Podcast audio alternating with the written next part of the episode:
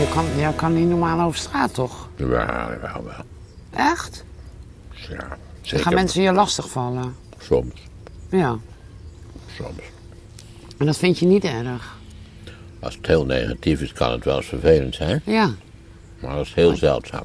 Als je ergens gaat zitten eten, mensen gaan gewoon selfies maken. Want dat gebeurt natuurlijk, toch? Wel, ja. Ja, gewoon ongevraagd. eh, Soms word je heel leuk aangesproken. Ik zat nog eens een test te eten. Werd ik aangesproken door Guus Hiddink. Dat vond ik nou weer leuk. Oh, leuk. Dat zijn vrouw was zo'n fan, zei hij. Of Oh, zijn leuk. vrouw een fotootje mocht maken. Nou, de hele tijd heel leuk zitten praten. Leuk, ja, een leuke donder van voetbal, maar daar hebben we het ook niet over gehad. Ja, oké, maar dan, dan wordt het op een soort eh, nette manier gevraagd. Ja, nou, het wordt meestal netjes gevraagd. Ja? Ja hoor, ja. En het aardige van, eh, van de slimste mensen is natuurlijk dat het... eh, dat ook veel jonge mensen kennelijk vrij goed kijken, toch? Ja. Dus dat je ook door jonge mensen van ja, het zijn dan van die, van die 10, 11, 12 jaar aan nageroepen wordt op straat. Ja, geweldig. Dus de fiets, laatste jongetje door de straat, die heeft riep ook, oh, de slimste mens. Dat, dat ben ik dan. Ja, En toen dacht hij kennelijk even na, toen draaide hij om zei hij, wilt u vanavond mijn huiswerk maken? Nou, gewoon wel, ik denk. dat is best praktisch. om ja, dat heel van praktisch. Te als iemand toch slim is, dan maar. En wat heb je gezegd? Stel, die moet eerst maar zelf proberen. ik heb mijn kinderen wel geholpen, mijn kleinkinderen wel geholpen met huiswerk. Hoeveel kleinkinderen heb je, Maarten? Vier. Vier? Ja, mijn zoon heeft drie kinderen en mijn dochter heeft er één. Wonen ze in de buurt? Ja, in Nederland woont iedereen bij iedereen in de buurt. Maar zij, eh, mijn zoon woont in Haarlem. Dat is vanaf ons 50 minuten. Als er geen file staat. En mijn dochter die woont in Amsterdam. Maar godzijdank feitelijk meteen over de Amstelbrug. Hm, aan de goede kant. Dus dat is, als er geen file staat, is dat eh, minder dan een half uur. En hoe vaak zie je kleinkinderen dan? Vaak, vrij vaak. Ja? Ja. Passen jullie ook op? Ben je ook een opa die oppast? Nee, de oppasfase is eigenlijk voorbij. Eh, bovendien, ja, het begint ook. eh, mijn vrouw is dan heel lichtzinnig, zal ik maar even zeggen. Die zegt: Oh, wat leuk, de kinderen, kleinkinderen voor het weekend. hè." Ik weet niet of gaat, komt dit er ook op, want dan moeten we dus wel voorzichtig zijn. Je moet voorzichtig zijn met wat je zegt. Ik denk dat ze aan het opnemen gaan, maar... Zijn we aan het opnemen? Ja, we zijn aan het opnemen. Ja, Maar hoe dan ook, dus na het weekend is ze wel totaal uitgeput. super zwaar om kinderen over de vloer te hebben. Enorm, ja. De Kinderen vragen voortdurend aandacht. Ja. Eh, de jongste kleinkind is vier, net vier geworden. En dus ja, dat, dat, moet je voortdurend, eh, heb, daar heb je voortdurend iets mee. Die ouderen, die komen ook niet zo vaak en die hebben natuurlijk, die, die bouwen op, zijn al bezig een eigen leven te maken natuurlijk. De oudste is 14, ook net 14 geworden. Oh, wel leuk, Maar pubers. ja, die gaat nu aan de derde klas van de middelbare school. En zijn het eh, leuke kleinkinderen? Ja, wij vinden van wel natuurlijk. Ja.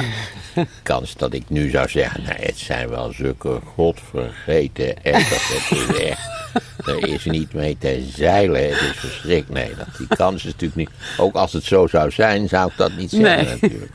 Maar het zijn wel het zijn hele aardige, rustige, beleefde, leuke kinderen. En hoe is het sowieso? Omdat ik heb geen kinderen. hè? En soms, nou, naarmate ik ouder word, denk ik wel... mm, hoe is dat om het leven door te geven? Om de familielijn... het, kijk, met het kinderen, kleinkinderen en wie weet hoe oud je wordt. eh, dat, dat gaat vanzelf. Het is niet zo dat je denkt van we gaan nou denken om, we gaan het leven nu doorgeven aan een volgende generatie. Nee. was geen bewuste keuze van jullie? Ja, heel bewust. Ja. Zeker. Want Ja, wij waren al vijf jaar getrouwd toen de eerste werd geboren. En eh, was, dat lag niet aan, aan eh, onvruchtbaarheid of ingewikkelde technieken, maar dat kwam dat mijn vrouw een vlotte carrière maakte bij het, eh, bij het ik mag niet zeggen damesblad, dus bij het vrouwentijdschrift Margriet. En, en eh, ik, had, ik had altijd gezegd, god, als je, als je echt, als dat vlot gaat, die carrière, je wilde je liever op die carrière concentreren. En ze schoot omhoog daar. dan vind ik het prima om geen kinderen te krijgen. Want ik vond eigenlijk mijn neefjes en nichtjes nogal vrij vervelende kinderen. ik, had niet wel. ik had niet veel met kinderen. Echt niet. Nee? Nee, ik had ik ook geen verlangen naar kinderen of zo. Nee, nee, Oeh, wat fijn kinderen. Dat had ik totaal niet. Nee. En toen hebben we eigenlijk al die jaren dat we getrouwd waren, elk jaar weer zo'n onderhandelingsronde gehad. Gaan we nu kinderen bakken of niet? En jouw vrouw wilde dus wel en jij dacht Nee, van, nou, nee, nee, zei zij, ik weet het ook nog niet. Ik- Oké, ik, oké. ik laat het even afhangen van de situatie. Ja. En na vijf jaar, dus dat zal ergens in 73 zijn geweest, ja, dat moet haast wel. eh, zei ze toch, nou, ik wil wel kinderen. En ik had niet gezegd dat ik ze niet wilde. Ik had alleen gezegd, ik laat het aan jou Hm. om te beslissen of je dat wel of niet wil. Ja. En ja, toen gebeurde natuurlijk wat eigenlijk vrij voor de hand lag, dat, toen ik, dat ik mijn eigen kinderen erg leuk vond. dus dat, ik vond... Was, is dat dan meteen als, als zo'n baby Nee, nee, nee, nee, nee, dat larvale stadium, daar heb ik dus totaal niks mee. Dus Nee. het moet, moet wel, eh, na een jaartje beginnen ze leuk te worden. Ja. Dan kun je er wat meer mee. Dan is het niet alleen Ja, maar... dan zie je ook een beetje wat voor mensen het zijn. Ja. Oh ja, dat zie je na Ja, dat, dat, dat verandert natuurlijk ook wel, maar toch, ja, karakter, dat zit er toch vaak eh, vanaf het min en meer, vanaf het eerste moment in. En, en zie je dan jezelf ook en je kinderen Nee. en je vrouw? Nee, nee.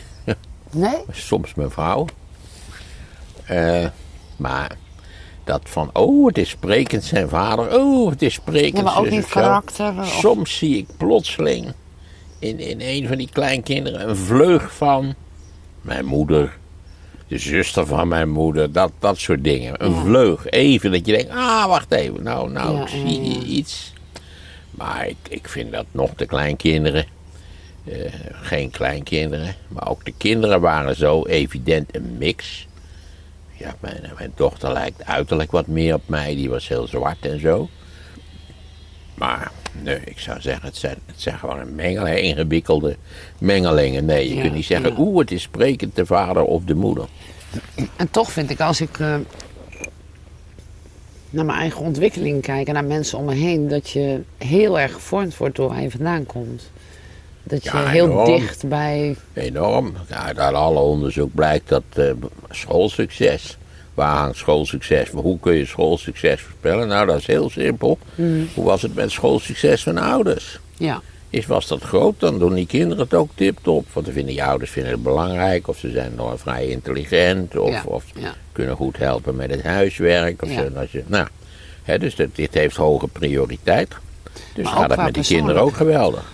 eh, qua persoonlijkheid ook, vind ik. Hè? Dus ehm, Dat, ja, dat denk ik wel. In hoeverre leek jij als vader dan op je eigen vader? En, Oh, ik was, al zeg ik het zelf, veel geïnteresseerder, veel meer erbij. Ja, daar kan je dan nog over klagen dat het nog beter kan, maar f- ik denk ook in mijn- voor mijn generatie was ik er vrij bij. Mijn vader was een hele afstandelijke, nogal lethargische vader. En mijn ouders zijn gescheiden toen ik 16 was. Dus het huwelijk was ook al niet verzaakt. Er hingen de rafels in de jaren 50 ook al bij. ja, ja, ja. En ben, Dus ben je nee, toen bij je vader Ik gaan lijk wel op mijn vader als prater. Dat, dat, mijn vader was ook een ongekende ouwe hoer. Ja, dat was ook wel voordelig. Later is het gekke van zo'n scheiding. Daar wordt natuurlijk altijd heel moeilijk over gedaan. Maar dat ik na de scheiding met mijn vader veel beter contact had als daarvoor. Want dan moest je bij me op bezoek. Ja, En op bezoek gaat, dan ga je zitten. En dan krijg je een kop koffie. En ja, Heb je er moet iets gezegd worden. Je kunt niet een avond gaan zitten zwijgen met je vader. En dat was bij mijn vader hartstikke handig. Hij begon te praten. En dan ah, tegen elf zei zijn, zijn tweede vrouw dus van... Nou Gerard, de kinderen moeten wel, eh, die moeten wel naar huis nu. Nou, en dan had je dus had die vier uur gepraat. Jij mocht af en toe ook wel iets zeggen, maar in principe was Hij hij was aan het woord. En altijd, eh, dat ging nooit over emoties of hoe gaat het op school. Dat interesseerde hem volgens mij geen En waar had hij het dan over vier uur? Nou, de evolutie, Darwin, insecten, eh, de kunst natuurlijk. Hij schilderde in zijn vrije tijd. Dus er waren eindeloze onderwerpen. Maar heel erg zenden dus. Ja, mijn vader was bepaald een zender. Ja. Maar en ook om dan die interesse over te brengen op, op jullie, op jou? Nooit met het oogmerk dat te doen, maar dat heeft hij natuurlijk wel gedaan. En, en ja, zeker. Ik ben ook geïnteresseerd in kunst en ik ben ook Ja. geïnteresseerd in evolutie. En, ik En ben ook in insecten? Ik ben ja, ook in insecten. Ja? Ik ben trouwens overal in geïnteresseerd. Eh, behalve misschien in ballet, maar Zelfs daar, als je er even in verdiept, blijkt het altijd heel interessant te zijn. Dat is best knap als je En het het kan. leuke was natuurlijk mijn broer en zus, die, die allemaal, ja, het, het was natuurlijk ook een beetje een artistiek milieu. Mhm. En mijn zuster vond dat verschrikkelijk. Die vond dat, dat, dat wij er anders uitzagen dan anderen en zo. Dat, mijn zuster wilde zo burgerlijk mogelijk zijn in haar jeugd. Men, kinderen willen niet afwijken. Kinderen, willen, kinderen willen hetzelfde zijn. Ja. Opgaan in de Eh, ja, massa. dat is ook heel typisch. Mijn broer en zus zijn nooit geplaagd. Op school niet, op straat niet en ik wel. En waarom werd jij geplaagd? Ja, dat, ze- dat ik anders was.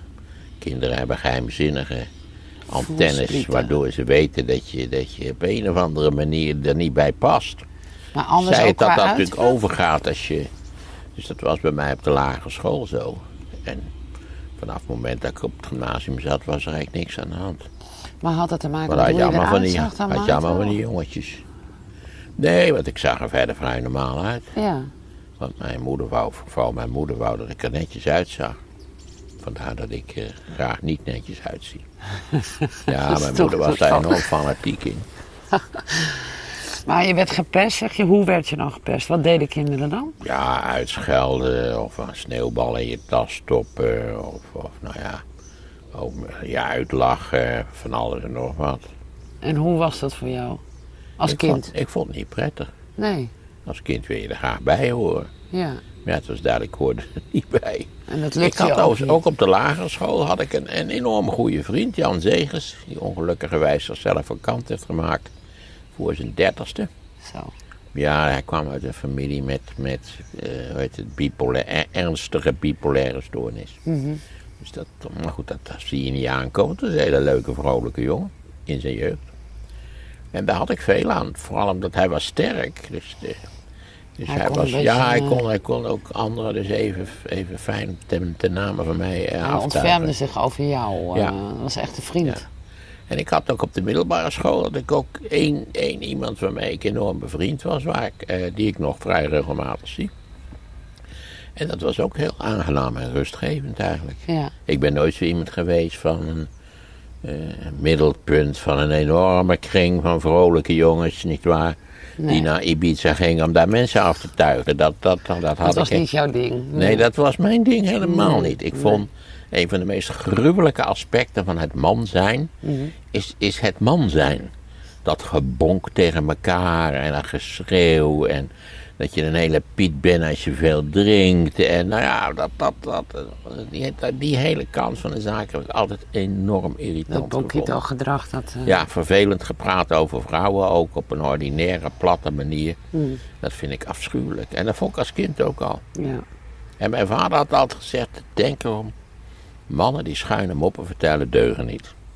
Dus laat je gezegd zijn, jij vertelt nooit een schuine mop. En daar heb ik me ook aan gehouden. Maar voor hetzelfde geld ga je ze wel heel erg vertellen om je los nee, te maar maken. ik van niet. die Nee, van, nee, dus eh, ik vond het zeer overtuigend. Dat gezegd. klonk goed, ja. En de meeste mannen die mij schuine mop hebben verteld, het is niet zo dat ze niet deugden, maar er waren toch eigenlijk hele vervelende mannen. Ja, het zijn niet de leukste mannen. Nee.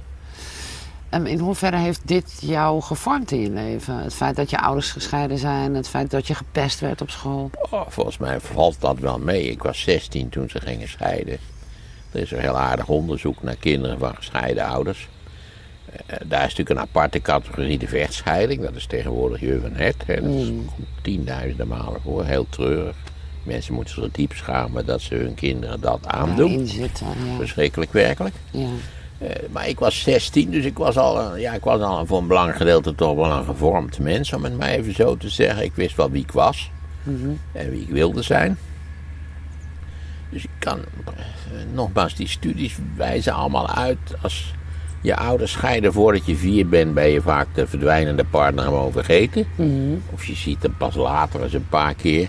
En boven de 16 is het ook, nou ja, je vindt het niet prettig. Nee. Eh, Je staat nooit te juichen als je ouders gaan scheiden. Nee. Maar ik heb er niet verschrikkelijk veel last van. Mijn broer is zeven jaar jonger. En die heeft er naar mijn idee vrij veel last van Voor gehad. is die bleef ook anders, achter. ja. Ik ging in 62 studeren. Ja. Dus je bent, dan ben je weg. Althans, we waren de weekends wel thuis, maar dan ben je toch in principe weg. Maar thuis was dus het huis van je moeder Ja, daarna. zeker. Zeker niet van je vader dus. Nee, nee, want die is aan een heel nieuw gezin begonnen. Ja. Dus ik heb ook nog een halfzuster en twee halfbroers. Maar dat was in die tijd ook gebruikelijk. Als je ouders gingen scheiden, bleef je bij de Ja, moeder, ik heb, denk ik heb eigenlijk nooit van, een- van een model gehoord waarbij, waarbij ze met de vader meegingen. Nee, nee, precies. Dat, zijn rechtelijke beslissingen, denk ik, voor noodzakelijk. Ja, ja. Je hebt tegenwoordig natuurlijk dat, dat, dat ruilsysteem, hè? drie dagen bij Piet en, en dan ook nog weer vier dagen bij Zwaantje, zal ik nou maar even zeggen. Zo, zo, dat, die, maar dat model. ja. Waarbij ze twee, twee kamers hebben met twee, twee sets van knuffels. Dan moet je je voorstellen, dan moet je gewoon twee keer in de week verhuizen. Ja, dat, lijkt me ook niet lollig. Verschrikkelijk. Dat lijkt me ook niet lollig. Nee, als basis niet Ik fijn. zou ook zeggen voor, bij veel mensen, joh, eh, eh, doe dat nou niet, zo'n scheiding. Een enorme Nee, eis. als het niet hoeft. En je bent natuurlijk twee jaar lang bij dan natuurlijk ontzettend verliefd eh, op een nieuwe partner. Meestal bij een man, maar in het geval van de man een veel jongere vrouw natuurlijk. Ja, Maar dat gaat allemaal over. twee jaar zeg je dit dat. Ja, verliefdheid, ik las net in de krant, volgens mij gisteren, eergisteren. Dat echte verliefdheid duurt max anderhalf jaar of zo. En dan, Ja. ja. daarna Ja, dan moet, moet je er iets anders op. eh, ja, dan moet je er wel eh, je afvragen of je samen boodschappen kunt doen. Terwijl ik, ik vind dat. Doe jij dat? Nooit. Ik doe nooit samen boodschappen. Nee, waarom nee, niet? verschrikkelijk. Waarom? Ja, daar krijg je altijd, daar krijg je altijd twist van, van boodschappen doen. Omdat jij andere dingen wil? Ja. Of, ja? Nee, dat ook niet. Wat dan? Sterker nog, ik doe vaak de boodschappen. Zeker de kleinere boodschappen die in de buurt gedaan kunnen worden. En dan, ja, dat is natuurlijk vaak is er toch iets mis met die boodschappen die ik gedaan heb. Ik vergeet er altijd één, terwijl die toch op het briefje staat. Nou ja, het bekende werk. Oh, ik schaam me, want ik herken dit. Ik zeg Ja. tegen mijn man ook altijd, wat heb je nou gehaald? Ja, nee, die, die huwelijkse patronen, die zijn, die, die, die zijn eh, Die zijn universeel dan? volstrekt, ja. Ja? Ja, je hebt toch Ingmar Bergman, die heeft zo'n serie gemaakt, lang, lang, lang, lang geleden. Series uit een huwelijk. Nee, scènes uit een huwelijk. Nou, dat is, dat is een feest van herkenning. Hè? Allemaal die kleine, wat, wat de Engelsen bikkering noemen, hè? kleine op- en aanmerkingen tegenover. Waarom heb je er nou weer dat vaatdoekje daar gelegd? Ik heb dat liever niet, ik heb liever dat het daar ligt. Hè? Dit werk. Dat, eh, En toch blijf je dan eh, eh, bij elkaar. Dus hoe lang ben jij bij je vrouw? Hoe lang zijn jullie samen? Nou, dat is wel zo ongelooflijk lang geleden. Ik heb mijn vrouw ontmoet in december 63. Toen is ze overigens eerst nog eens een tijdje au pair in Engeland geweest. Maar dus zeg maar dat wij iets hebben. Dan hebben we het toch over lente, zomer 64. Zo'n 60 jaar bij Dus ja, 55, 36 60. plus 21. Ja, dat is Dat is lang. 57 jaar. Ja. Maar dus die eerste... Oh, dan bellen. Ga ik koffie voor je maken, ja? Ja, oké. Wil je nog? Ik zal even kijken.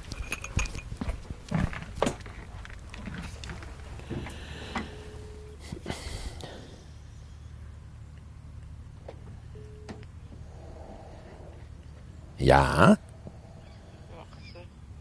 Hallo? Ja, ik hoor je wel. Ja, hoor je mij? Hallo? Ik hoor jou. Hoor je mij? Ja, ik hoor jou ook. Nou, heel precies, ja, heel goed. Want ik zit namelijk midden in een interview. Sterker nog, ik denk dat de camera doordraait, eerlijk gezegd. Dus ik mag ik je straks dan even bellen. Want ik ben notabene voor het interview in Aalten. Dat ligt ver in de Achterhoek. Aan de, aan de, de, de bomen aan de overkant staan in Duitsland. Hoe is het daar? Are you?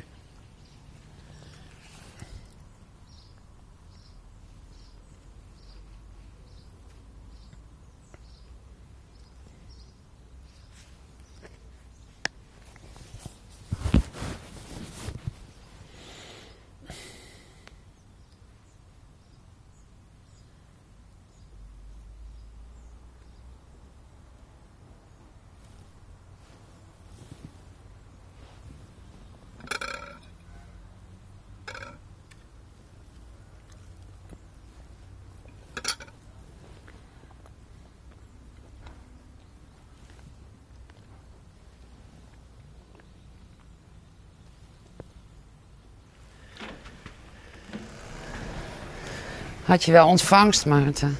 Prima ontvangst. Ja? Nou, zeg, prima. Echt? Ja, geef toe. Het Dat duurde wil ik even voordat het, dat we elkaar ontvingen. Maar ja, zij zit op Vlieland, dus ja. Wie, je vrouw? Of... Nee, nee, dit is Oh. een eh, lieve vriendin van mij. Oh, wat leuk. Maar ik zie hem hier een ontzettend onweer aankomen. Hier op deze plek. Ja, dit, dit, eh, kijk, Maar om zes uur toch? ik, ben, ik ben benieuwd. Dus, Oh, jongens. Ja, dan, ja, dat ze gewaarschuwd zijn, zal ik maar zeggen. Hebben jullie het ook in beeld? Maar we zijn heel snel binnen dan, hè? Ja, omdat de spulletjes die ook Ah. Gaan we heel snel naar binnen. Wil je nog iets lekkers erbij? Een koekje Het of is zo? een beetje de eerste plek in Nederland die door dit noodweer getroffen zal worden. De Achterhoek. Kun je meteen die hond zien als hij Nee, boom die is? koffie is zo prima. Ja? Prima, ja. Oh, ik heb nog honderdduizend vragen hoor. Dus voor het onweer moet we het allemaal eh, behandeld Ja, hebben. nu is er nog helemaal niks te merken, toch? Nee, nee Zou- meestal is gaat dat het... het zuiden? Ja, eh, even kijken, dit is Duitsland. Even kijken hoor. Eh, daar is... als dat Duitsland... is recht. Ja, dat is zuiden. Ja. Oké, ja, daar Ja. moet het vandaan komen. Dus ik zie nog Dus niks. jij ziet het aan. En je hoort ook nog geen gerommel, dus... ik weet niet of het, of het met onweer is, hoor. Dat weet ik niet. Als je wat ziet, wil je het dan zeggen? Ja, ja zodra ik denk, nee, dit is niet zo Komt best. niet goed. Oké, even denken. Eh, wa- wat ik, waar ik in ieder geval heel benieuwd naar ben, is ehm honderdduizend dingen, maar waarom jij eh, op televisie, waarom ben je op televisie? Waarom, waarom doe je dat? Waarom wil je dat? Oh, ik het wel leuk vind. Wat Ik- dan? Ik heb het altijd als een uitje gezien. Kijk, ik heb mijn hele leven in een eh, instituut gewerkt van de universiteit. Van een universiteit, de WTU Utrecht. Dat zijn op zichzelf best gezellige, eh, hele aangename werkplek. Ja, de universiteit is geen ballen hier geïnteresseerd, maar goed, de aangename werkplek. Eh, redelijke secundaire omstandigheden, werkomstandigheden. Maar het is ook vrij melig. Ja, het is, je kunt het het beste vergelijken met een, een bejaardendorp eigenlijk. Vooral omdat iedereen, vrijwel iedereen was natuurlijk benoemd ergens in, in de jaren 70 en vanaf 80 is er volgens mij zo, nu wel weer, maar vrijwel niemand benoemd. Dus je wordt allemaal steeds ouder. Ja. En ik vond het, ik weet nog wel de eerste keer dat ik op die tv kwam, dat zal geweest zijn in, in 84 of zo, denk ik 84. En bij wat? Weet je dat nog? Ja, dat was een middaguitzending van de NCRV. En het ging ook om commentaar op de Amerikaanse verkiezingen. Ja. Ik vond het ontzettend vermakelijk. En dat ik een bos bloemen kreeg, dat vond ik al vermakelijk. Ja, ik denk van, moet ik hem even, dat is de eerste bos bloemen die ik ooit gekregen heb, geloof ik. En met zo'n tribune met van, zo'n- van die bejaarde gasten, hè, die dan per bus werden aangevoerd, was mijn indruk. Maar dat was de tijd waarin ook eh, gewoon heel Nederland keek. Nou, de, heel Nederland keek niet naar middaguitzending van de Van de NCRV, NCRV. volgens mij. en op- toen ben ik, dat was allemaal het gevolg van het feit dat ik, nadat ik gepromoveerd was, eh, was ik eigenlijk bang om in een zwart gat te vallen, zoals dat heet. En dat was een bekend fenomeen dat je dan stilviel en wat nu. Ja. Dus toen had ik een boek geschreven het daaropvolgende jaar. Een vrij algemeen boek over de Verenigde Staten. En dat werd heel goed ontvangen, goed besproken, goed verkocht. En, en op basis daarvan werd je dan uitgenodigd door de media. Ja. Ja. Eh, dus, maar ja, daar moet je natuurlijk zeker in die jaren niets bij voorstellen. Dat gebeurde één, twee, misschien drie keer per jaar. ja. Het was geen doel op zich. eh, het 0,0, overkwam je eigenlijk. Het is nooit een doel op zich geweest voor Nee. mij. Nee. Het is voor mij altijd een randverschijnsel geweest. Ja. Leuk om te doen en het voordeel is bijvoorbeeld dat, dat eh, als je een boekje schrijft, dat dat behoorlijk verkocht wordt. Ik denk als ik gewoon wetenschappelijk medewerker M van Rossum was gebleven, dan zouden alle uitgevers hebben gezegd, fijn dat je een boekje hebt geschreven, maar wij Dan zijn niet geïnteresseerd. Ja. Maar het heeft te maken met jezelf ontwikkelen dus. En eh, groeien ook. En nieuwe, nieuwe wegen Nou, dat weet ik niet. dan. Vergeet niet dat, dat wat ik makkelijk vergeten wordt, is wat soort van werk doe ik. Ik, eh, ik kom mijn mening geven over deze en gene zaken. Hmm. Liefst redelijk onderbouwd. Eh, en nou ja, wat doe je als je college geeft? Dat, daar heb ik altijd veel aardigheid in gehad, college geven. Mhm. Veel van de, sommige collega's vonden het niks, maar ik vond het ontzettend leuk. Wat dan? Ja, het is leuk. Ik vond het leuk om tegen mensen te praten. Je kennis over te Ja, en ook sowieso. Dat, dat- ook wel het theatrale aspect wat daar natuurlijk in zit. Dat vond ik heel mooi. Maar ja, dat wist ik niet. Dat ontdek je pas als je het gaat doen. Ja, ja. En in de eerste jaren heb ik gewoon van die werkgroepjes gegeven. Dat vond ik eerlijk gezegd stront vervelend werk. ja, vond die studenten ook vaak een beetje luie donders. Maar het is, het is ook Ze het zijn meestal optreden. thuis bepaald geen genieën. En dan druk ik me heel, heel terughoudend uit. En toen op een goede dag zei mijn chef, die zei ja, ik hou op met die hoorcolleges. Want het- ze zijn zo stom, het is, het is parelen voor de zwijnen. Dus ik, ik stop ermee. En die vroeg toen aan zijn afdeling, we zaten daar natuurlijk één keer per zoveel tijd, moest je vergaderen. En toen vroeg hij, nou ja, een aardig vogeltje is dat nou. Het is geen rookborst, het is een Kwikstaartjes zijn er veel meer, of nee, niet? Nee, Wat nee, zie die je? ken ik wel. Nee, dit, dit- ik herken dat beetje niet. Nou, dat zal waarschijnlijk heel voor de hand liggend zijn. Maar goed, het zei hij, ja, wie van jullie wil het overnemen? Nou, ik was toen niet zeker. Ja, nu ben ik overal altijd de oudste, maar toen was ik dat zeker niet. Waren wel oudere medewerkers en nou, er viel eigenlijk nogal een pregnante stilte. Kennelijk had niemand er zin in. Dus toen dacht ik, nou waarom niet eigenlijk, dat, laat ik dat maar eens doen. En dat heb ik gedaan en ik vond het geweldig leuk. Ja, de eerste twee keer ben je zenuwachtig als je die lui ziet zitten, 200 man. Ja, dat is best wel spannend. Ja, ja. was wel spannend. Maar ja, al heel snel dacht ik, hartstikke leuk, fijn werk vond ik het. En je kunt er ook een beetje een show van maken. En Heb je een, een, je kunt slappe moppen vertellen. Je kunt, je kunt er alle kanten mee op. slap maar niet schuin, toch? Nee, nooit. Nee. Heb je, voel je nu nog wel eens zenuwen? Heb je nog wel eens zenuwen? Of achteraf? Dat voor, je denkt, voor dit oh, soort van werk nooit. Nee? Nee, nee, nooit. Echt nooit. Eh, voor lezingen en zo ook 0,0. En, Ik begrijp ook meestal niks voor. Maar je, je put uit je als eigen je er eenmaal staat en je begint, dan komt het vanzelf. Ja. En maar ik ben ontzettend zenuwachtig als ik met het vliegtuig moet. Waarom? Ik vind reizen afschuwelijk, omdat je afhankelijk bent van andere mensen. Hmm. Of omdat je toegeschreeuwd wordt, of dat je, je idiote dingen moet doen. Dat je je hele koffer verrommelen. Hè? En, en dan krijg je maar verrommeld en wel terug. En überhaupt, het, de hele poppenkast bij dat reizen is wel zo ongelooflijk irritant. Ja. En je reist waarschijnlijk best wel veel. Nee, zo weinig mogelijk Ja? in principe. Ik ga met vakantie altijd naar Texel.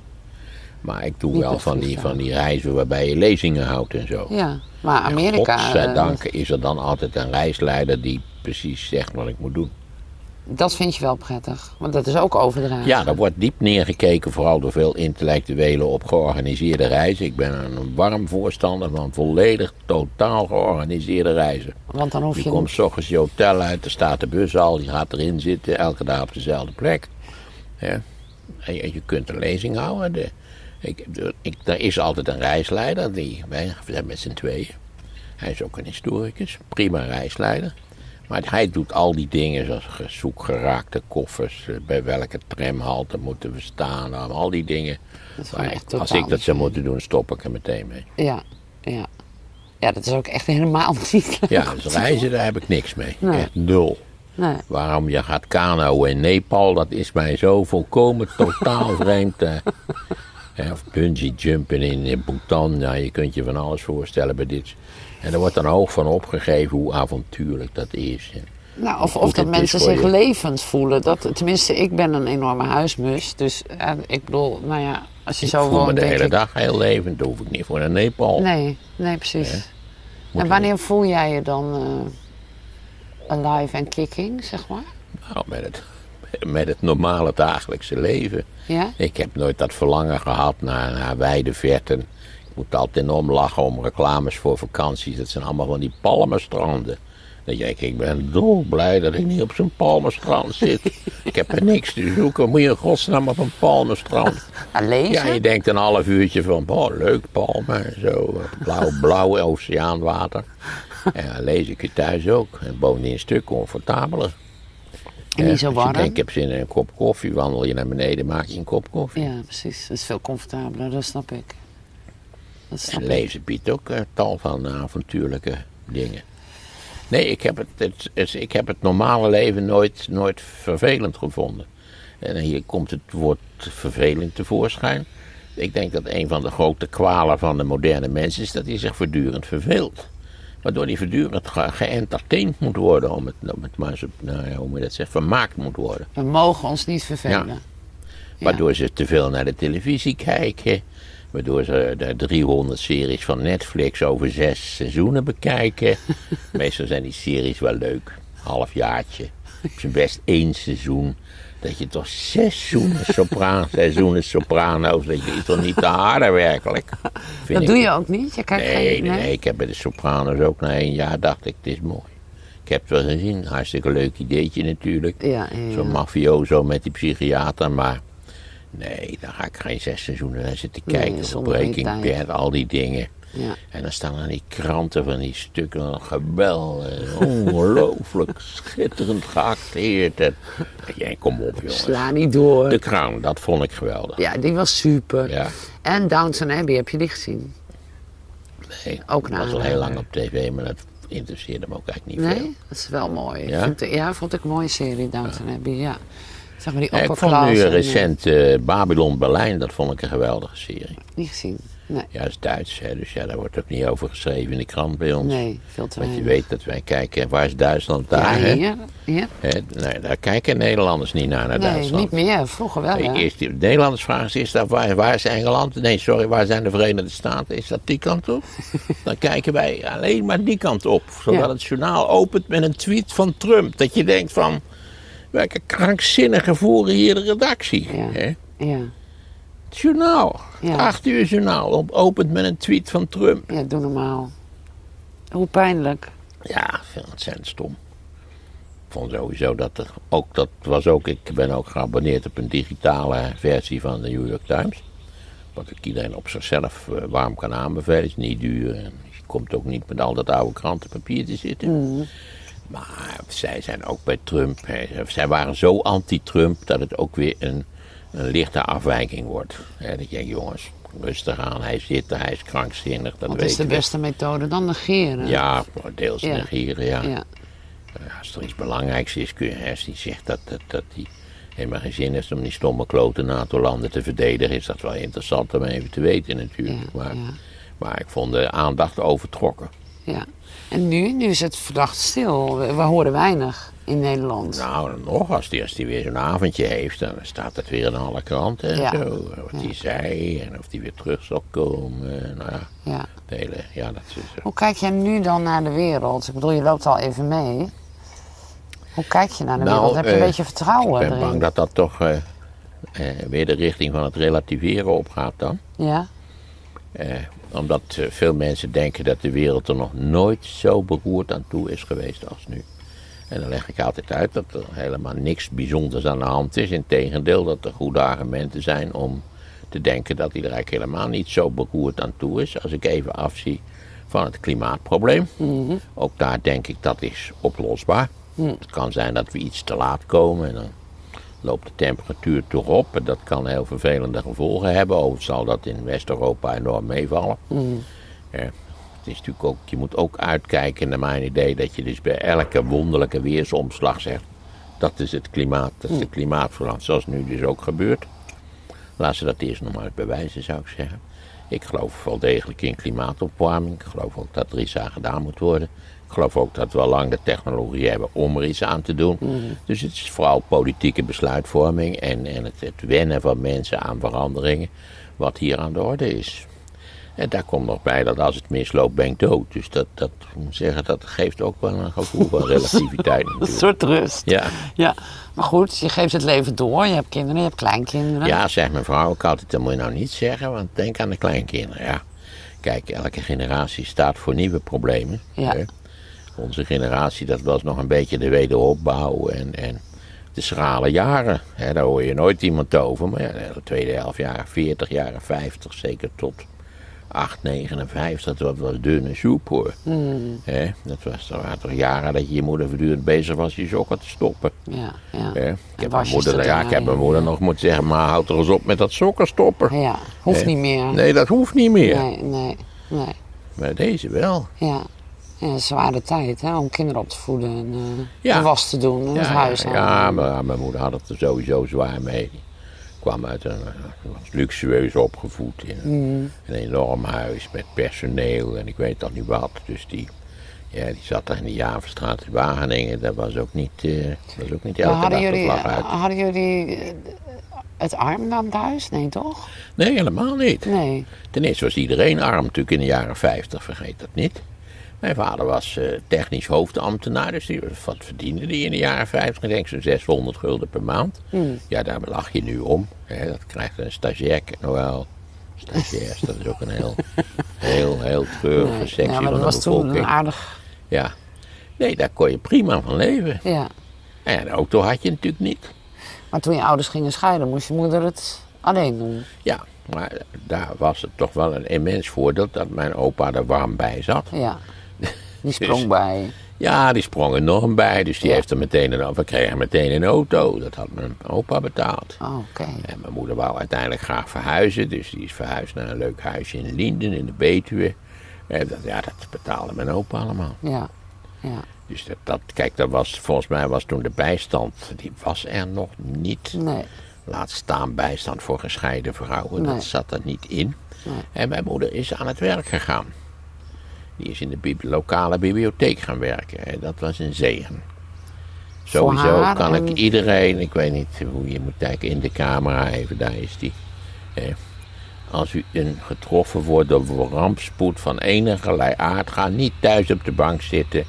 Ga niet zitten simmen, probeer aan het werk te komen. Hmm. Desnoods gaat u boodschappen doen voor de buurman. Kan niet verdommen wat u doet, Ja. maar doe wat. Want? Dat is goed voor je, want dan raak je afgeleid, je leven krijgt structuur, nou ja, enzovoort. Ja, precies. Ga niet op de bank zitten sippen, sikkeneuren. Nee. Maar in die tijd was dat natuurlijk bijzonder dat een vrouw, alleenstaande vrouw, Aan het werk ging. Ja, nou moet ik zeggen, in die bibliotheek, die natuurlijk wel altijd. Is dat de konijnenjachten hier? of een ree, Ja? ja, Ze schieten hier reeën dood. ja. En ik heb er één die Is dit elke dag... jachtseizoen dan? Is dit dan? Nou, nee, volgens toch? mij niet. Nee. Maar het kan zijn dat er een zieke tussen zit dat ze hem schieten. Dat doen ze wel buiten Zie de je hier jacht. reeën s'avonds? Ja. Staan hier aan de bosrand. Ja, ja, dan En komen er ze loopt hier een, een pad van meer dan 100 jaar oud, heb ik me laten vertellen door de jager. En dat heeft dan met de licht en eh, de windrichting en zo te maken. Dan weten ze van nou, die, dat pad moeten we lopen. En dan steken ze daar over in het bos. S'avonds, nou die staan hier echt in het midden van het veld. En de honden die blaffen dan een keer, maar ze weten inmiddels van nee, die komen niet bij ons. Dus eh, Ja, dat moet, ja, er zijn in Nederland tienduizenden reeën natuurlijk. hè. ja, dat moet wel een beetje onder. Bij- In Utrecht hoeven die ook helemaal niet ver te fietsen om s'avonds reeën te zien. Nee, nee als, je hier, een- als je hier gaat wandelen, dan zien we elke avond reeën en hazen Ja, en roofvogels. maar er is niet, groter wild is er niet. Geen wilde zwijnen. Nee, nog niet, nog niet. Maar die komen eraan. Ja? Ja, Duitsland zit helemaal vol.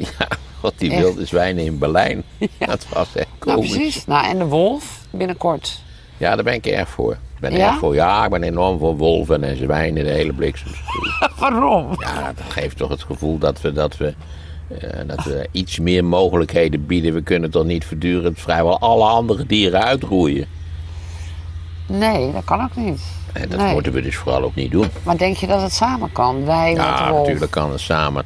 Echt? En ik vind het ook niet zwerg als af en toe eens iemand door een wolf wordt opgegeten. nou, toch? dat gaat, dat gaat dan dus dat wel geeft wel een avontuurlijk cachet aan de wandeling, toch? Grootmoeder, wat heeft ze grote Ja. oren? Ik heb begrepen dat ze enorm schuw zijn. Wij zijn als prooidierveld zijn we te groot voor wolven. Ja. Nou Ja. ja, kijk, tegen de tijd dat wolven hier in een roedel gaan jagen, hè, dus wat je nog wel eens ziet, weet ik het, in het Yellowstone Park of Ja. in Noord-Canada, nou dan eh, zijn we echt een heel eind verder. Nou, ik, ben ik had hier pas eh, een, eh, iemand die zei, die jaagt ook in Duitsland. En die, zei- die heeft de eerste roedel hier dichtbij al gezien. En die zei, als jouw hond wegloopt s'avonds en die is in het donker buiten... en die komt een roedel wolf tegen, dan... Is die de klos? Ja. ja, ja. En dat geldt voor kinderen ook. Nou, kinderen, dat zie ik nog niet zo gebeuren. Nee, want dan zou, het, dan zou dat alles een keer gebeurd zijn, zeker in Duitsland. Ja, ja, dat is We waar. hebben dit te danken natuurlijk aan het eind van de Koude Oorlog. Ja, wolven waren er bij massa's in Wit-Rusland, in de Baltische Republiek, eh, overal. Dat is, in feite is natuurlijk Rusland een leeg land. Hè. Er zijn een paar grote steden en je hebt er wat agrarische activiteiten, maar het is in feite leeg, Enorm. volgens begrippen. En, en toen, ja, en, maar door dat ijzeren gordijn, daar konden die wolven niet doorheen. Hè. Die gingen volgens mij elk jaar even kijken. En die kwamen eens thuis en zeiden, "Wow, het staat er nog steeds. Het is, eh, ja, ik- want ik weet niet of je er wel eens gezien hebt hoe dat ijzeren gordijn eruit zag. Dat was geen kattenpis. Nee. Het waren drie hekken achter elkaar, Ja, een ja, met mijnen, een open strook. Nou ja, gaan ze. Ja. Toen is dat natuurlijk op een goed moment komen die wolven weer kijken. En je zegt, het is weg. Het is verdwenen. Dus ja, nou, kom op, we gaan eens even kijken. En ja, die wolven die produceren jongen, die, die, zijn, die worden uit die kudde gegooid en die moeten op eigen kracht iets zien te Ja, verzinnen. eigen terrein Die zijn- eh, bemachtigen. Duitsland ja. is al vrij snel volgelopen met wolven. Ja, ja. Ja, en dus die stoppen En niet die bij de wilde grens. zwijnen heb je natuurlijk overal. Want ik heb er zeker wel eens zo'n wilde zwijnenmoeder gezien. Die heeft dus echt eh, 16 van die beertjes. Ja, hè. dat is ook niet... eh, ik neem één of twee, hè? Ja. Nee, ja. Maar best, best linksoep als je die tegenkomt met Ja, jongen. want ze kunnen vrij. Ik, ik heb, er zijn meer ongelukken volgens mij met wilde zwijnen gebeurd dan met wolven. Ja. Er zijn ben er je, ook veel meer natuurlijk. Maar, ben je... Wat vind jij van het jagen dan? Nou, oké, ik, ben, ik ben niet erg van het jagen. Zolang de jagers zeggen altijd dat ze de natuur moeten controleren. Nadat ze namelijk iedereen dood hebben geschoten die dat natuurlijkerwijs kan doen. Hè, gaan zij, moeten zij het nu doen. Eh, Dat je een fazant gaat schieten, dat fazant is en een Chinese vogel. Die hebben we hier geïmporteerd, maar met één doel, namelijk om te gaan schieten. Ja, heel, veel, heel veel exoten zijn uitgezet hier, de moeflons op de Veluwe, om geschoten te worden. Ja. Dat het, het pa- park de Hoge Veluwe was door die familie zo groot gemaakt en zo. Als jachtgebied, dat Ja. was het hele idee, omdat het is deftig om te jagen. Ja. Hè? Ja. Ja, dat is ook het wonderlijke feit dat je dus iemand eh, voorzitter maakt van het Wereld Natuurfonds. Die als grootste liefhebberij heeft om olifanten dood te schieten. Niet, die gaan ze niet opeten of zo. Hè, heerlijk vanavond olifantenbout. Nee, gewoon omdat je het lollig vindt om een olifant dood te schieten. Spaanse koning, Prins Bernhard. Hè? Ja. Dat je denkt, wat is dat voor, zijn dat voor rare gewoontes? Ja, Hè? gestoord. Dat wild is er vaak alleen omdat het ooit is uitgezet en dat het zo georganiseerd wordt dat het bejaagd kan worden. Ja. Denk aan het, die jacht op de, hè, bij het lo op die wilde zwijnen. Die worden eerst door, door lui in het bos opgejaagd, zodat ze dan ineens baf aan de rand van het bos komen. Daar staat dan Willem-Alexander en zijn knuiten om die beesten dood te schieten. Ja. Dus dat is, dat is doodschieten als sport. Daar Ja. ben ik geen voorstander van. Nee. Als je thuis zit in je hutje in het bos en je hebt honger en je kinderen roepen pa, er moet nou eindelijk eens wat te eten zijn. En, en je gaat het bos in en je schiet daar een beest en dat eet je op. Ik heb er alle vrede van de wereld mee. We zijn per slotverrekening, eh, zijn wij dieren die van alles en nog wat eten. Al is ons gebit, zo te zien, nou bepaald niet gericht op, op grote hoeveelheden vlees. Maar nee, dus ik, eh, doodschieten omdat het zo lollig is iemand of iets dood te schieten. Nee. Daar ben ik geen voorstander Nee. van. Eet je vlees? Nou, ik, ik ben een eigenaardige persoon in de zin, ik geef niets om vlees. Dat wil zeggen, ergens een stukje spek bij kan lekker zijn. Ik vind een balletje gehakt ook wel lekker. Maar grote, lichtbloedende lappen vlees, zoals je in Amerika krijgt, daar heb ik helemaal niets mee. Echt 0,0. Het is daar ook zo belachelijk goedkoop. Ja, ook dat. Maar dan krijg je zo'n stuk vlees op je bord. Ja. En tenslotte zeg je, nou ja, ik wil, ik wil dit wel hebben, maar kunt u het vlees halveren? Nou, dan kijken ze al aan. U kunt het toch mee naar huis nemen? Nou ja, de doggybag. hè. Ja, dat wil ik niet. geven u wel een zakje. Eh, nee, ik ben dus geen... eh, het, het- we hebben altijd dezelfde conversatie thuis. Dat mijn vrouw kijkt naar de televisie en zegt... wat het is toch verschrikkelijk, die slachthuizen. Wat die dieren wordt aangedaan. Het is of werkelijk het is, is. Dan zeg ik nou ja, we kunnen zelf een hele minimale bijdrage leveren... door ermee op te houden vlees te eten. En dan zegt ze altijd, nee, dat verdomme. Als jij vegetariër wil worden, ga je zelf maar kopen. Maar, maar je kan een wel... stukje vlees wel lekker. En als je dan groen, groen vlees, zeg maar bij de Groene Weg of, uh, Ja, of dat lokaal. moet sowieso. Ja, toch? ja, het moet biologisch verantwoord Ze, zijn. ze gaan al dood, maar is Ja, toch... ja. Ja. nee, precies. Maar terwijl ze geslacht werden, draaiden ze Mozart. Hè? Voor dat is toch iets, iets prettiger gaan ze dood, zo. Ja. Eh, Slachten is nooit prettig. Ook in nette slachthuizen mislukt. Ik geloof 16% van de slacht mislukt. Dus dat, dat moet dan nog een keer over. Die, Oh. die beesten zijn ook niet gek. Die ruiken bloed. Ja, Eh, ja, nee, het is niet zo dat ze daar dansend naar binnen gaan hoor. nee. Oh, waarom kan ik er niet mee stoppen? Waarom doe ik dat niet gewoon? Ja, wat vermoorden we per jaar in Nederland? Nou ja, ik schat toch tegen de 10 miljoen varkens of zo. Ja. Ja, het zijn hele intelligente, lieve beesten. Leuke dieren. ja, heel leuk. Ja, Ja. En toch eet ik dingen met spekjes Ja. en zo. 4 miljoen koeien. Ik weet niet hoeveel miljoen kippen. Ik geloof over de 100 miljoen als ik het wel heb. Nederland, de tweede voedselexporteur ter wereld. Hè? Maar waarom vinden wij dat we daar boven staan dan? Waarom... Nou ja, omdat dat natuurlijk geleidelijk zo gegroeid is. Dat is iets wat stap voor stap. Als je kijkt naar een straatarme bevolking, laten we zeggen China voor de industriële ontwikkeling, dan is vlees eten voor die mensen een zeldzaamheid. Dat is vaak op een bruiloft of zo. En Luxe. Ja, dan wordt er een varken geslacht en dat, dat, is- dat is feest. Ja, en dan word je rijker en rijker. Dan denk je, nou, ik wil wel elke dag feest. Ja. Hè? Doe Ja. mij maar een carbonaatje. Ja. Ja, en als je natuurlijk eh 1,3 miljard mensen hebt die graag een carbonaatje willen eten. Hoe ga je dat organiseren zodanig dat het carbonaatje niet onbetaalbaar duur wordt? Ja. Ja. Nou, dat is massaliteit. Ja. Dan prop je er een heleboel bij elkaar. Ik dacht hier op de rit ook nog wel een paar van die reuze varkensschuren te zien. Hè, wees maar hoop, je moet hopen dat ze er niet één onder de wind bouwen, zodat je s ochtends je raam open doet en jezus, wat zullen we nou Ja, beleven? ja, als je naar binnen gaat is het echt dat schijnt in. Brabant echt een groot probleem te zijn. Ja, ja. Ja, ik ken een varkensboer hier in de buurt. Die heeft gewoon 3300 varkens. En ik zei 3300. Ze zei, ja, maar daar kunnen wij met ons gezin van leven. Met minder kan niet. Nee, zeker niet. Dan zijn er bij die de 14.000 hebben. Ja, precies. Ja, Dat kan nog veel groter allemaal. ja verschrikkelijk. Ja, goed. Nee, onze bio-industrie is natuurlijk totaal uit de hand gelopen. Ja. Dat beseft ook iedereen wel. Volgens mij Ja. is iedereen het daar wel mee eens. Ja. Zelfs het CDA is het er nu mee eens. Maar het begint toch met een fatsoenlijke prijs betalen ook? Of niet? Ja, ook wel, maar dat is in Nederland niet populair. Als je ziet hoeveel biologisch verantwoord vlees er in Oostenrijk wordt verkocht, ik geloof 30% van het totaal. Ja, En bij ons is het een paar procent. ja dat is veel te laag. Nederlanders, je weet hoe Nederlanders zijn bij het boodschappen doen. Hè? Oh, Let er wel op de centen, hè? Ben jij zuinig? Nee, totaal niet. Nee. Totaal niet. Nee? Ik ben ook geen verspiller om de eenvoudige reden dat ik bescheiden wensen heb. Ja. Ik denk nooit na over prijzen, echt 0,0. En je rijdt elektrisch?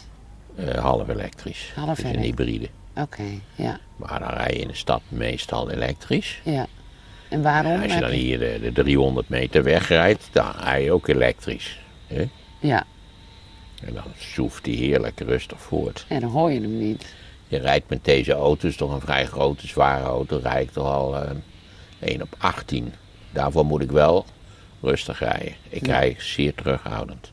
Er zit zo'n metertje in met de eco-stand. Hè, dus je kunt zien of het wijst dat je nog in de eco-stand zit. En maar waarom doe je dat? Waarom rij je in die auto en op die manier? Ja, dat is een interessante vraag. Eh, ik rij vooral in deze auto omdat Lexus de reputatie heeft dat het eigenlijk nooit iets meer is. En dat er fantastisch goede service is, wat ik ondertussen ook een keer gemerkt heb. Eh, ja, ik was natuurlijk door de COVID, had die weet ik hoe lang stilgestaan. Ik ging erin zitten en ik dacht, het is een Lexus, hij doet het altijd. Maar nee, dat deed hij dus niet. Dan was die accu toch te laag, had de spanning was te laag om dat ding op gang te krijgen. En, en toen bel, heb ik opgegeven, je hebt zo'n kaartje van de Lexus. Ja, ik mag natuurlijk geen reclame maken. Dus ik denk, nou, ik heb dat kaartje toch gekregen, laat ik maar eens bellen. Dus ik belde Lexus, krijg een enorm beleefde mevrouw meteen aan de lijn, wat in Nederland sowieso al een godswonder is. Want je weet, er zijn nog 18 wachtenden voor u. U bent de zevende in de wachtrij. Wij doen alle denkbare moeite, nou ja, enzovoort. Nee, ik krijg meteen iemand aan de lijn. Ik zei, zus en zo, oh, zei ze. Eh, blijft u maar even staan, en binnen 20 minuten st- komt er een meneer. Ja, binnen 20 minuten kwam er een meneer. en Die deed de klep open, die deed eh, van die boutjes erop. En eh, binnen 25 minuten reed ik weg. Oh, super. Accu weer Ja, dat was, eh, was prima. Dus dat was de hoofdreden eigenlijk. Ik wou een stille auto. Dus ik heb even gekeken wat zijn hele stille auto's. Als je echt heel erg stil wil rijden, dat, dan lopen de prijzen echt fors op. Maar dit is verhoudensgewijs een hele stille auto. En ik had, eh, omdat ik heel vaak met een chauffeur rij in mijn eigen auto, wou ik achterin comfortabel zitten. En deze auto heeft vanuit achterin kun je alles bedienen. De radio, de, de airco, de verwarming, van alles en nog wat kun je. tof. Achter, dat zit links van je. Allemaal prachtig uit, Japans uitgevoerd. Eh, dus dat was voor mij ook een factor van belang. En toen heb ik hem vanzelfsprekend, ik ben ook niet gek, heb ik een, een relatief recent tweedehands exemplaar gekocht. En dat is deze auto. Maar, En, dat, dit is de opvolger van, ik had een hele grote Citroën. Een zescilinder diesel, een C6. Heerlijke, fantastische auto. Lekker. Maar er was, was wel veel mis mee. En toen zei de garagechef op beroep, meneer Van Rossum. Als die vier bollen, hè, Citroëns hebben vier bollen. Mhm. Als dat nou op is, en dat komt er wel aan, en maakt ook wel soms rare geluiden. Dan moet u wel zich bedenken dat het vervangen van die vier bollen duurder is dan de auto nu nog waard is. ja, toen dacht ik, oké, als jullie het zelf zeggen, dan moet ik er maar eens maar stoppen. vier bollen om Ja. die, die- dat. Oh, dat is wel lekker bij Ja, Citroën. ja, een hele fijne auto, zonder meer. Ja. Maar, Comfortabel. je, maar je zegt een, een chauffeur en dan zit je achterin. Ja. Ehm, is dat een vast iemand? Of... ja, meestal wel een vast iemand. Ja, ik had zo'n dat- groepje jongens, die zijn ondertussen ook allemaal banen gevonden. Maar er is er nog één die werkt zo dat dat goed te doen is. Ja. Dus dan kondig ik het wel van tevoren aan. En het is zeker voor de theatervoorstellingen die natuurlijk vaak in, in. Dwingelo zijn. Ja, Of in Bokstel of zoiets Of een dergelijks. Aalte. Ja. Of een Aalte. Ja. En, en dan, en kijk, als je heen is goed te doen. Dat is niet zo'n groot probleem. Nee. Is het ook meestal nog licht en allemaal Ja. dat soort van dingen. Ja. Eh, maar terug eh, heb je dan natuurlijk wel twee uur op het podium gestaan. Ja. Eh, daar ben je toch wel lichtelijk... Ik ben natuurlijk oud, dus daar ben je wel lichtelijk moe van. Ja. En als je dan uit Bellingwolde terug naar Utrecht moet, dat is 2,5 uur rijden. Ja, dat is niet... Ja, dat is nog ja, langer dan dit van Utrecht naar Aalten. Dat Ja. was al... Dat is al een end. Nou, kijk, eerst had ik het opgezocht. eh, en toen was het 1 uur en een kwartiertje. Oh, Ja, als er helemaal geen enkele hindernis is. Maar ik zag vanochtend al dat het al een stuk langer was het geworden. was ineens enorm druk ja, het was ineens ja, het wat liep begon op te lopen. Maar- Anderhalf uur. Je zegt het al, hè? als je dan een, een voorstelling hebt en je gaat ook maar door. Is, er is geen moment dat Maarten van Rossum zegt van... nou, nu ga ik eens even lekker gewoon met pensioen of zo. Nee, dat is een verschrikkelijk idee toch? Want wat ga ik dan doen? Ja, weet, ja, weet ik niet. Thuis gaan zitten dus. Nee, ja. En Ik zit, ik eh, zit natuurlijk, ja, het is niet zo dat ik niet... Ik zit, zit natuurlijk vaker thuis dan dat ik naar in het theater ben. Ja, Ik doe, eh, weet ik veel, drie of 24 van die voorstellingen per jaar. ja, Die ik bovendien de afgelopen jaar helemaal niet heb gedaan. Vergeet Nee. dat niet. nee. Ik hoop nu enorm dat het in september weer kan.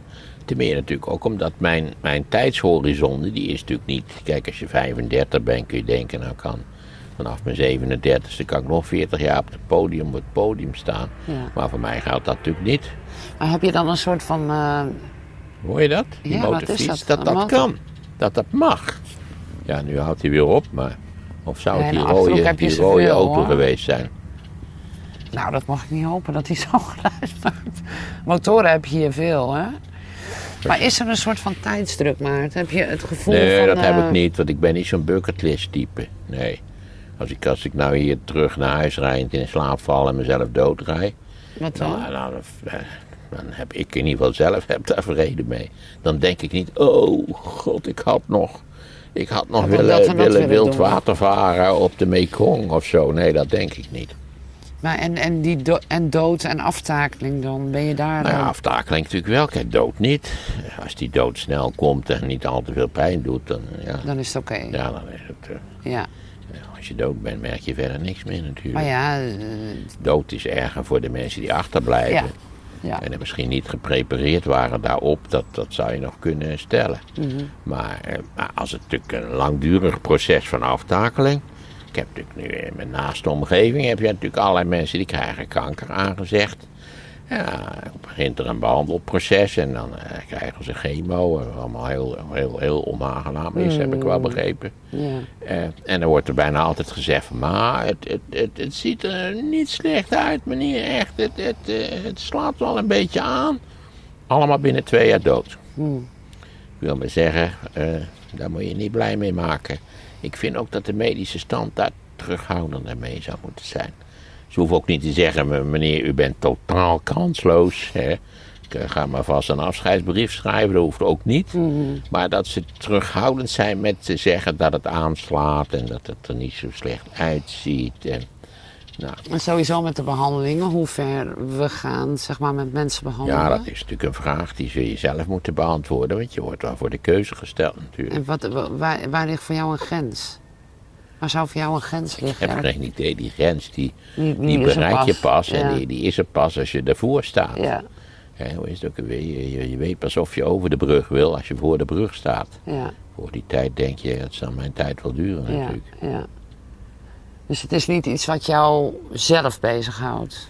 Nee, nee, nee, of althans, ja. Natuurlijk denk je, ik denk, denk op mijn leeftijd vaker aan de dood dan wanneer je 23 bent. Ja. Of je moet op je 23 wel erg depressief van aard zijn. Dat Om komt eraan natuurlijk te wel- denken, Dat ja. komt natuurlijk wel voor. Ja. Maar eh, niet, niet op een beklemmende manier waardoor je niet... eh, in, principe moet je blij zijn dat je op je 77 nog redelijk functioneert, toch? Ja. En, Ja, en dat je dan alle hele leuke dingen kan doen. Die, zoals gezegd, door mij vaak als een uitje worden gezien. ja. ja. Eh, Ik zou de slimste mens nooit het hele jaar door willen doen. Nee. Maar zoals het nu is, dat je twee fases hebt van zeg maar tien dagen, drie opnames per dag. Ik ben altijd blij als het weer begint. En ik ben net ook altijd blij als het weer ophoudt. En wat biedt het je dan? Wat biedt het je? Vermaak. Ja, ik denk wel vermaak. Een luisterend oor en een podium. Ja, ook dat is ook wel een podium. Ja, je kunt er alles zeggen wat je wilt. Ja, er zijn ook, je ziet voortdurend op Twitter van, nou, best een leuk programma, het slimste mens. Maar dat politieke gelul van Van Rossum, daar moeten ze een eind aan maken. Nee, hè? maar er is ook een andere kant. En dat, is, dat, dat programma is niet voor niks zo populair. Dat komt door het politieke gelul van Van Rossum. Nou, en de, door Filip en mij Ja. samen, denk ik. Nee, absoluut. Maar het is, eh, zeg maar het is ook heel kwetsbaar. Want je bent in beeld. Je bent er ook al een keer heel erg afgekeild. Is het feit dat je daar geen grip op hebt, zeg maar, ook niet... Nee, je hebt geen grip tenslotte op de redacties van die programma's. Nee. Ik ben natuurlijk al driemaal in botsing geraakt met, laten we zeggen, het, het, het gezoen des volksempvinden, zoals dat zo treffend heet. En dat was, ja, even denken wat... Ik vond eigenlijk af, ik vond eh, ten tijde van, van 9-11, dat, dat had ook iets pijnlijks. En daar was de woede ook zo enorm groot. En het onbegrip voor wat ik gezegd had. Waar ik overigens groot gelijk in had, maar dit tussen haakjes. Je relativeerde eigenlijk. Ja. Dat was de kritiek toen. Nee, hè? ik zei, dit is niet de derde wereldoorlog, het is een terroristische aanslag. En terreur is het wapen van de machtelozen, want die moeten toeslaan op, op eh, onverwachte plekken, op onverwachte momenten tegen, tegen mensen die er niks mee te maken hebben. Dat is de essentie van terreur. Allemaal keurig uitgelegd. Maar nee, het was de derde wereldoorlog. En er zou nu een, een, een, een eeuw lang zou er strijd zijn tussen de islam en het westen enzovoort enzovoort bleek achteraf helemaal erg mee te vallen natuurlijk.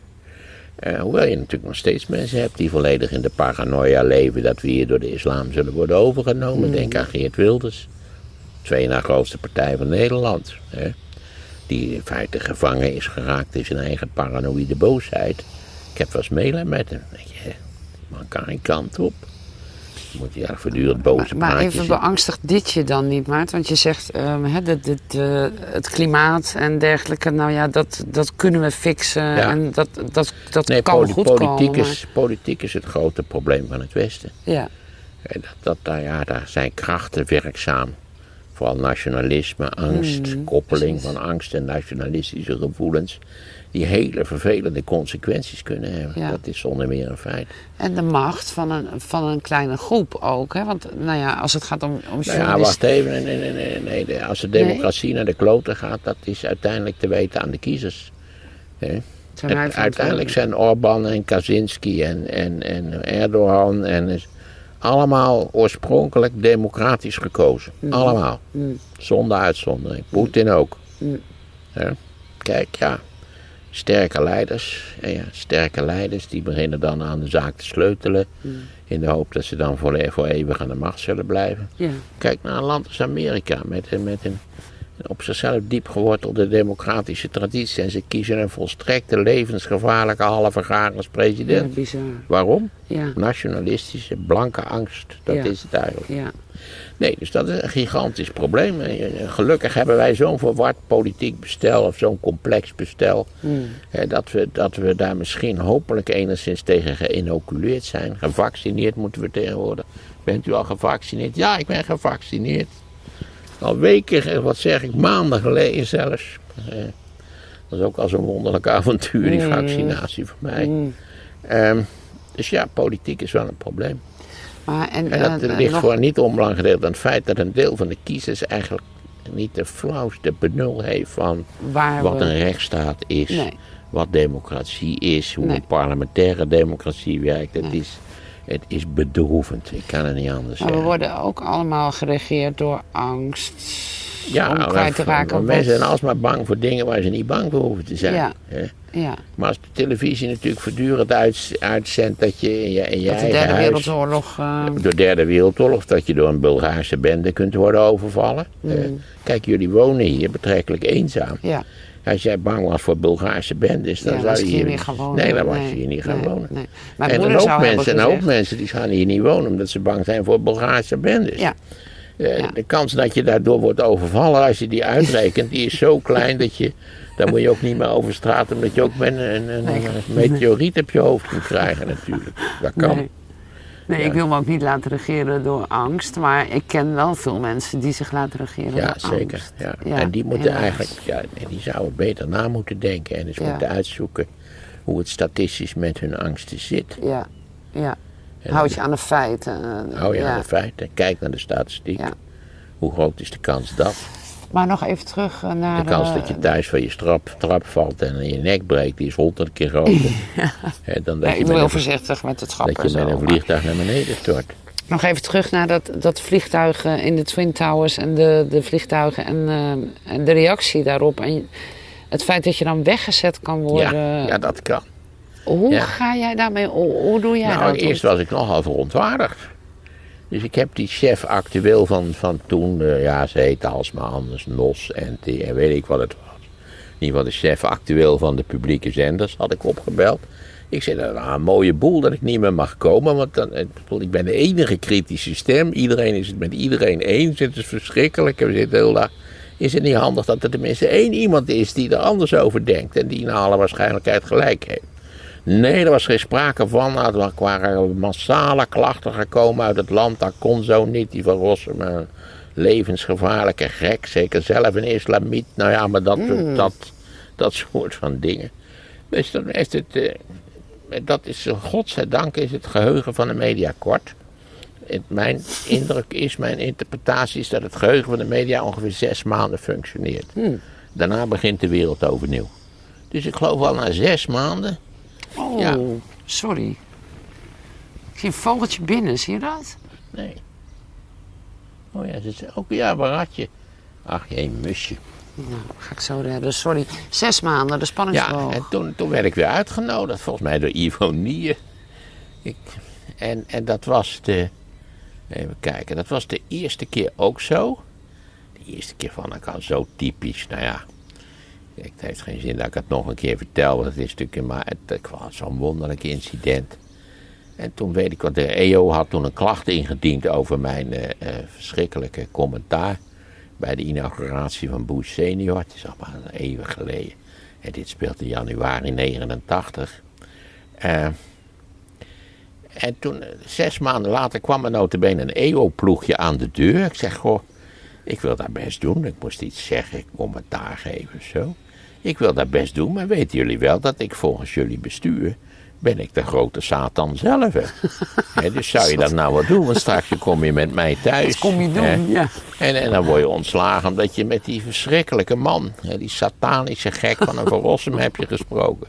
Nou, daar hadden ze, wisten ze niets van, hadden ze nooit van gehoord, zes maanden later dus. Nou, ik zeg, oké, dan doen we dat.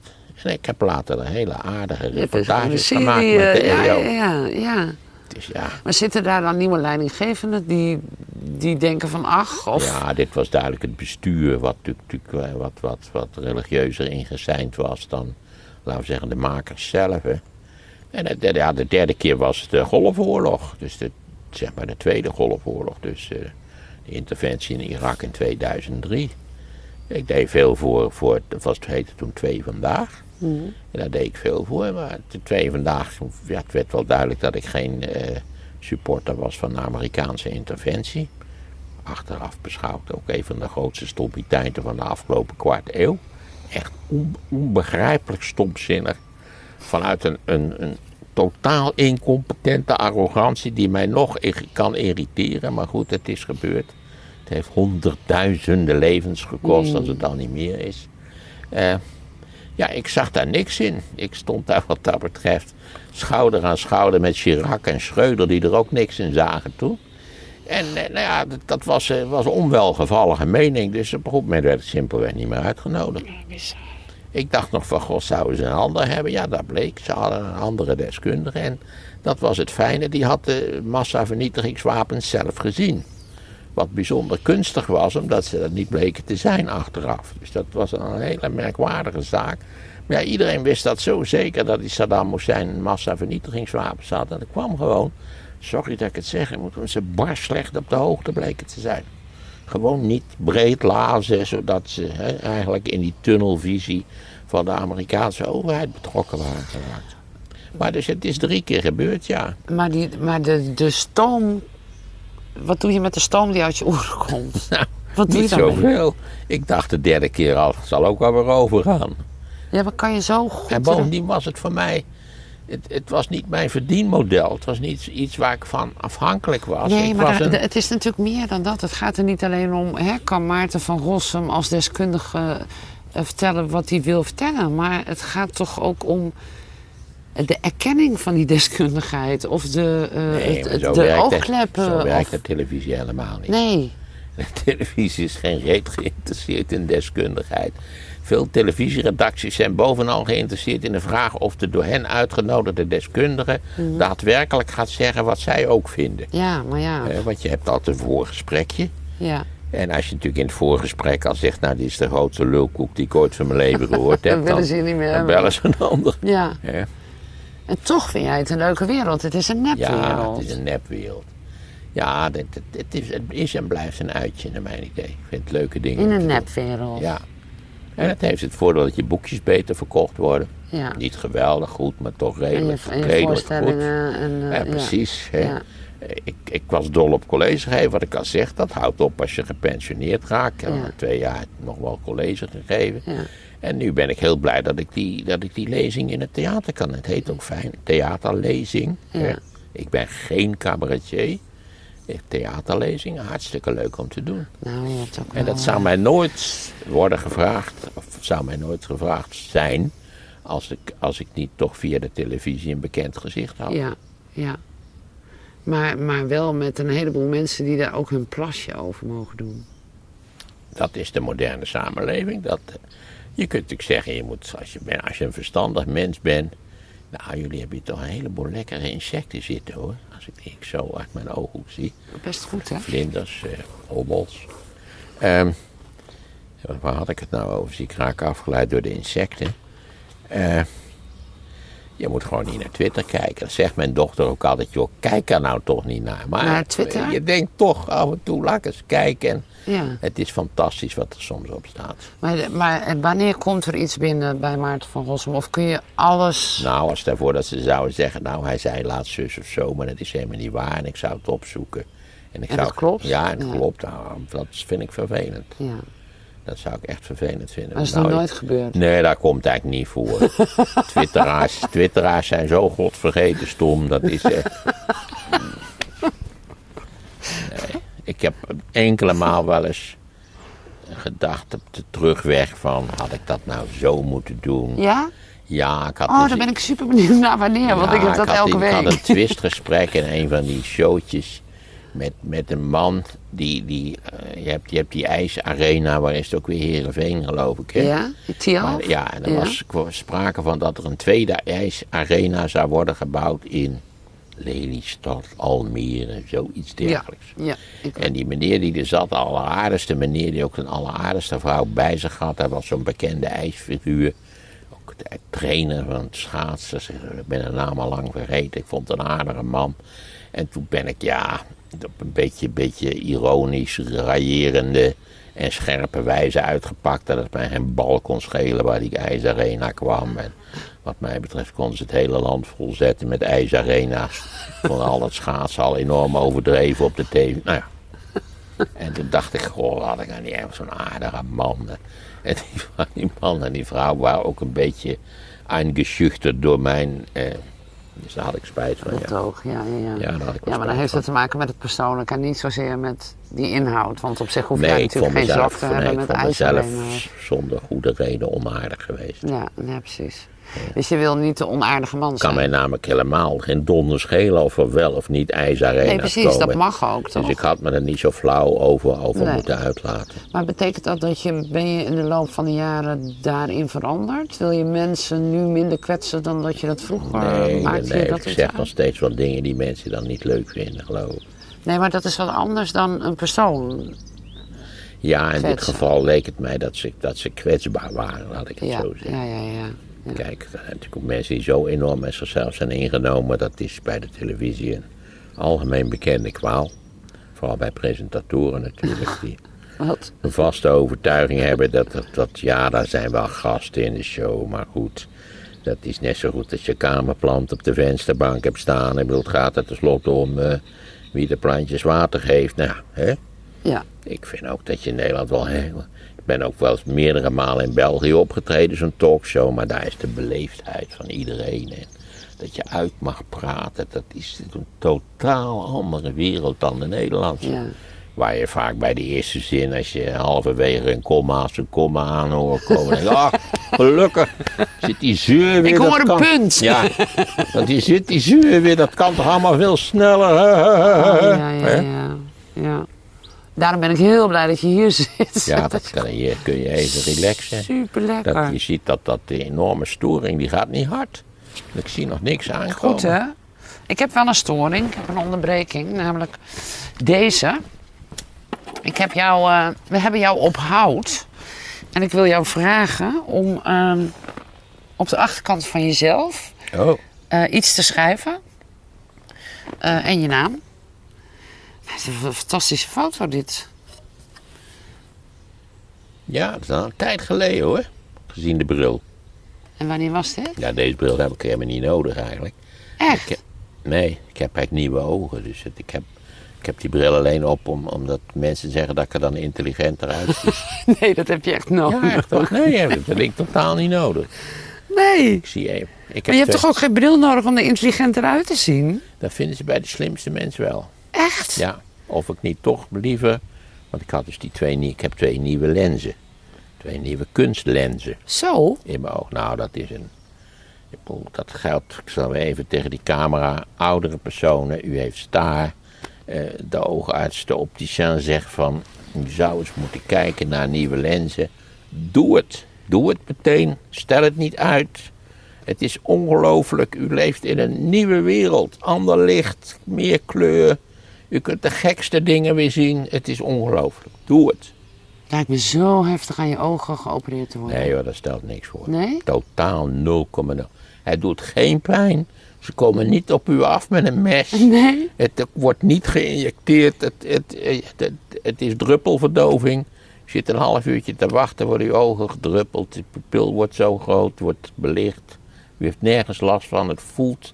Sterker nog, het is polyklinisch. Achteraf moet u even blijven zitten.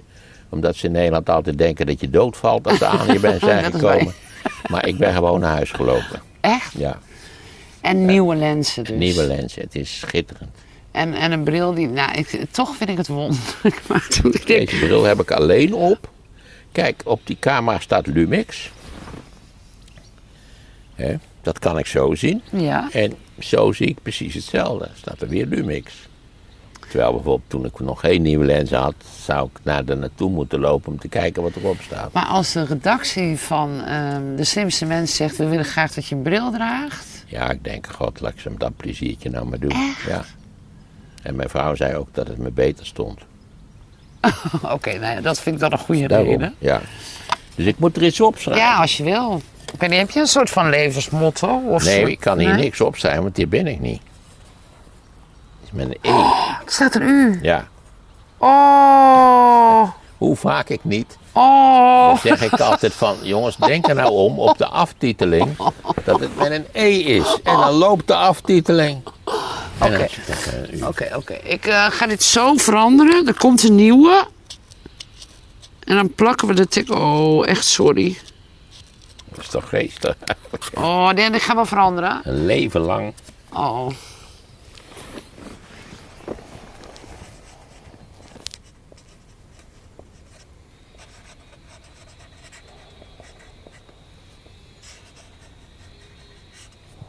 Zo.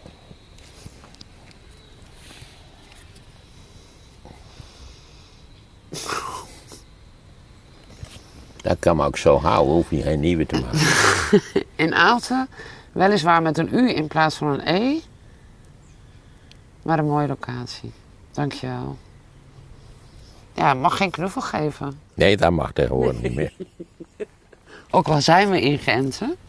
Dankjewel Maarten. Ja, want we hebben nu de nieuwe variant natuurlijk. De Delta variant. Ja, en er die komt grijpt- weer een nieuwe. Die er grijpt om zich heen. Ja, En er zullen natuurlijk, zolang die enorme infectiehaarden bestaan, eh, zullen er steeds nieuwe varianten zijn. Die, eh, en dat moet je van die virussen zeggen. Het is wel, eh, het is wel puikspul. ja, het is goed spul. Nou, wat dacht je van die permafrostlaag die aan het ontdooien is in Siberië? Ja. Ik ben wel benieuwd wat dat voor gevolgen gaat hebben Ja, allemaal. verstrekkende gevolg. Daar schijnt methaan uit op te komen. Nou, dat, dat heeft ongelooflijk. We zullen zien. Ja,